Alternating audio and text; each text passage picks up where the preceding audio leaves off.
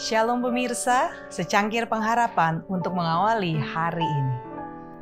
Lahir kembali pekerjaan Roh Kudus. Jawab Yesus, "Aku berkata kepadamu, sesungguhnya jika seorang tidak dilahirkan dari air dan roh, ia tidak dapat masuk ke dalam kerajaan Allah. Apa yang dilahirkan dari daging adalah daging, dan apa yang dilahirkan dari roh adalah roh."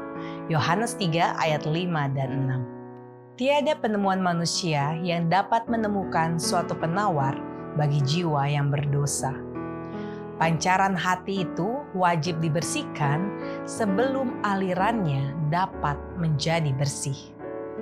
Orang yang mencoba hendak mencapai surga oleh perbuatannya sendiri dalam memelihara hukum Allah berarti mencoba sesuatu yang mustahil.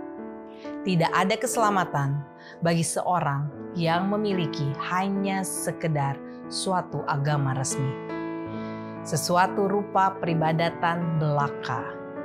Kehidupan orang Kristen bukannya sesuatu perubahan sedikit atau perbaikan dari kehidupan yang lama, melainkan perubahan seluruhnya dari segala sifat.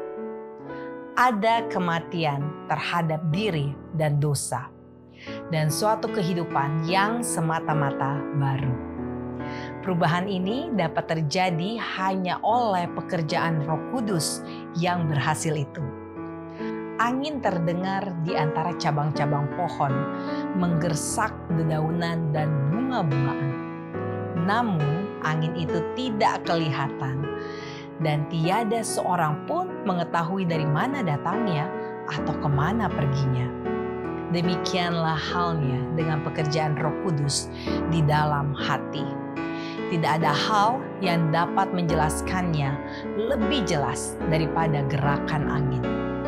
Seorang boleh jadi tidak dapat menyebutkan waktu atau tempat yang tepat, atau mengingat kembali semua keadaan dalam proses pertobatan.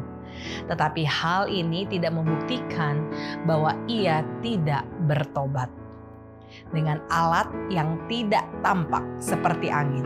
Kristus selalu bekerja di dalam hati, sedikit demi sedikit dengan tidak disadari oleh si penerima.